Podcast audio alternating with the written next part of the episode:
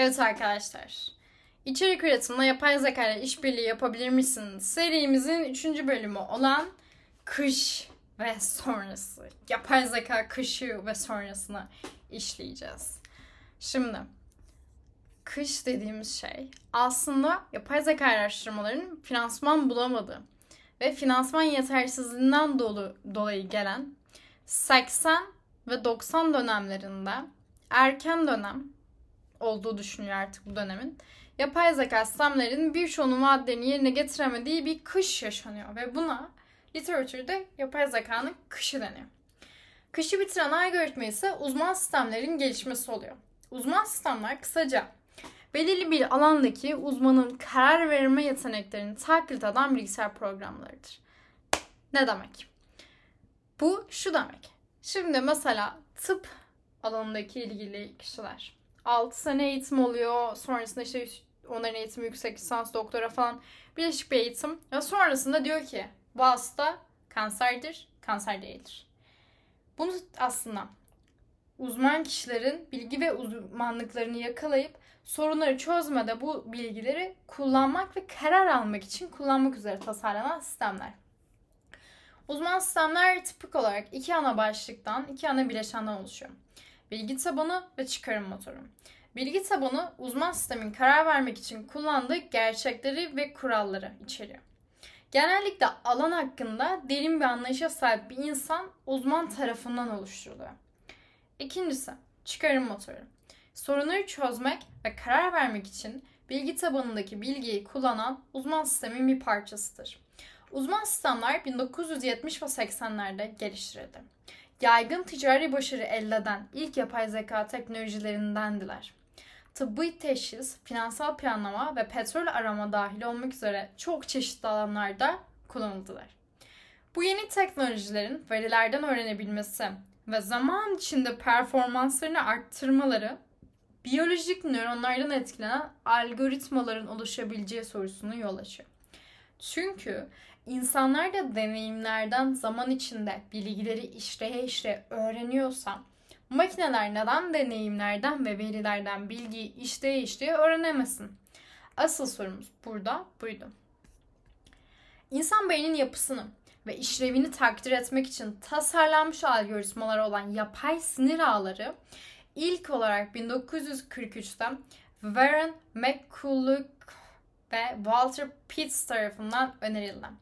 Bir nöronun matematiksel modelini tanımladıkları ve nöronların bir ağ oluşturmak için nasıl bağlanabileceklerini gösterdikleri bir makale yayınladılar.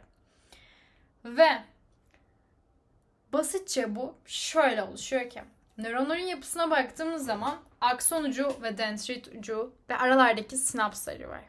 Makine öğrenmesinde de gelen x1 x'en değişkenleri için öyle bir weight'ler, ağırlıklar tanımlıyoruz ki yine bu x yani en kadar mesela.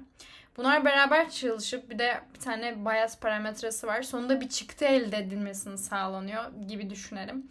Sonunda da bunu da y diyoruz. Model burada bu veri için bir tahmin yaptığında oluşan değer bu. Diğeri de gerçek deyip gerçek değeri deyip bu ikisi arasındaki farktan bir hata yapıp aslında modelin başarı parametrelerinin metriklerini oluşturmaya çalışıyoruz. Ve durum o yapay sinir ağlarından ChatGPT gibi bir şey geliyor. Daha önceki bölümde de yani May the Data Be With You podcast'ın ilk bölümünde GPT-4 algoritmasında bizi neler beklediği ve DALI ve sonrası dijital sanatın geleceği hakkında bir bölüm yapmıştım. Orada anlattığım gibi OpenAI'nin Chat GPT um, algoritması, Chat GPT modeli e, arkasında bir doğal dil işlem algoritması barındırıyor ve insan etkileşimiyle model aldığı veri setinden insan faydasına çıktı üretmeyi sağlayan bir mesajlaşma hizmeti aslında. Ve bu aslında ChatGPT'nin aktardığına göre 2021 yılını kaynak alan bir veri setinden ilham alıyor. İnsanlar gözünü GPT-3'ye e, çevirmişken GPT-4'un kullanılacağı günde ben sabırsızlıkla bekliyorum. Belki de ben GPT-4 için araştırma ekibinde yer alabilirim. Kim bilir. Hayallerimden biri de evet bu. Size de bunu ileteyim. Ve tüm bu seriyi bitirirken şunları yapıyoruz. Evet algoritmalar bir çıktı elde edebiliyor. Evet bilgi işleyebiliyor. Evet deneyimden öğrenebiliyor bizim gibi.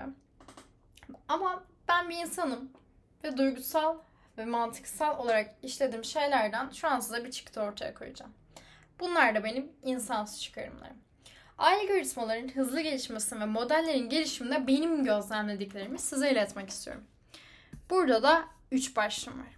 1. Multidisiplinerlik 2. iyi bir ekiple çalışma 3. Değişik sorular sorma. Bir multidisiplinerliğe şöyle bakalım. Tüm bu gelişmelerde ilgimi çeken nokta benim kaderi değiştiren şey aslında şu. Diyorlar ki mesela yapay, yapay sinir ağlarından ya biyolojiden esinlenerek bu sistemi algoritmamıza pozitif bir etki yaratarak katabilir miyiz? Bunun çıkışı bu oluyor. Mesela DALI'de sanatla, görselle kelimeleri birleştirip bir çıktı oluşturabilir misin buna? diyor. Bu şekildeki değişik sorulardan oluşuyor. Ve burada şeyde Ertürk'tü galiba veya Ertekin olması lazım. Ee, onun bir TEDx konuşmasından sonrasında makalesini izlemiştim. Makineler daha hızlı düşünebilir mi diye. Bu gibi sorularla aslında tüm algoritmaların çıkış noktası değişik sorular sorup bu sorunlara, bir problemlere bir cevap bulmaya çalışmak aslında her şeyin çıkış noktası. Ve buradaki en önemli şey multidisiplinerlik. Sanattan da anlamak, teknolojiden de, girişimcilikten de işte bunların hepsini anlayıp bir ürünü ortaya çıkarıp bir multidisipliner yapı yapabiliyor musun? İkincisi, iyi bir ekiple çalışma. Bu literatüre katkı sunan neredeyse hiçbir bilim insanı odasında böyle durup kapanıp hiçbir kaynağa falan bakmadan bir anda evreka ben buldum ya falan demiyor. Teorik ve akademik bilginin birikimli olarak artmasına paralel olarak bu insanların benim daha öncesinde de e, Solvay konferansında Einstein ve Curie, e, Marie Curie'yi bir, bir araya getiren şey neydi diye yaptım Medium yazısında ve podcast'te de anlattığım gibi bu insanlar birbirini anlamasa, sevmese, nefret etse bile birbiriyle iletişim kurabilen ve ortak bir paydada karşındakine saygı ve sevgi bağını koruyabilen kişiler oluyor. Dolayısıyla takım çalışmasına yatkınlık uzun süredir önemli bir nokta. Benim de içinde bulunduğum ve liderlik yaptığım yetken gibi. Geliştirmek istiyorsanız bu alanlarda kendinizi geliştirmeniz 21. yüzyılın yetkinliği. Üçüncüsü değişik sorular sorma.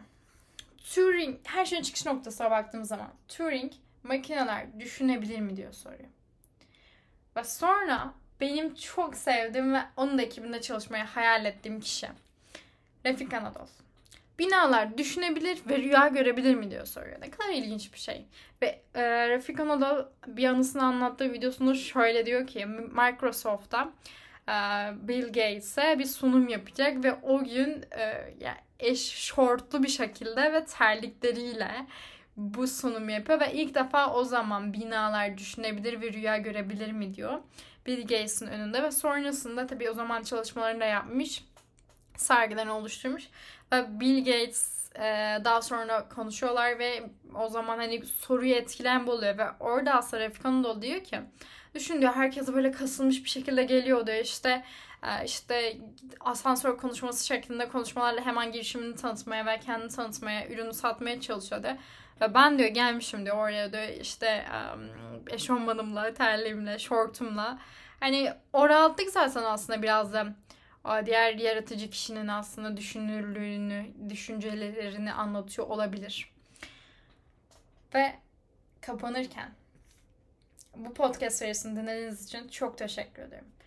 Umarım değişik soruları doğru ekiplerle sorup beraber güzel problemlere iyi çözümler bulduğumuz bir döngünün sizin için başlamasına sebep olur. O yüzden aslında çözümü sevmek değil, problemi sevmek önemli oluyor.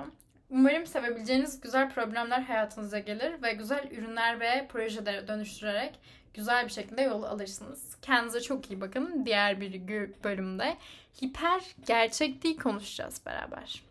Kendinize iyi bakın. Görüşürüz.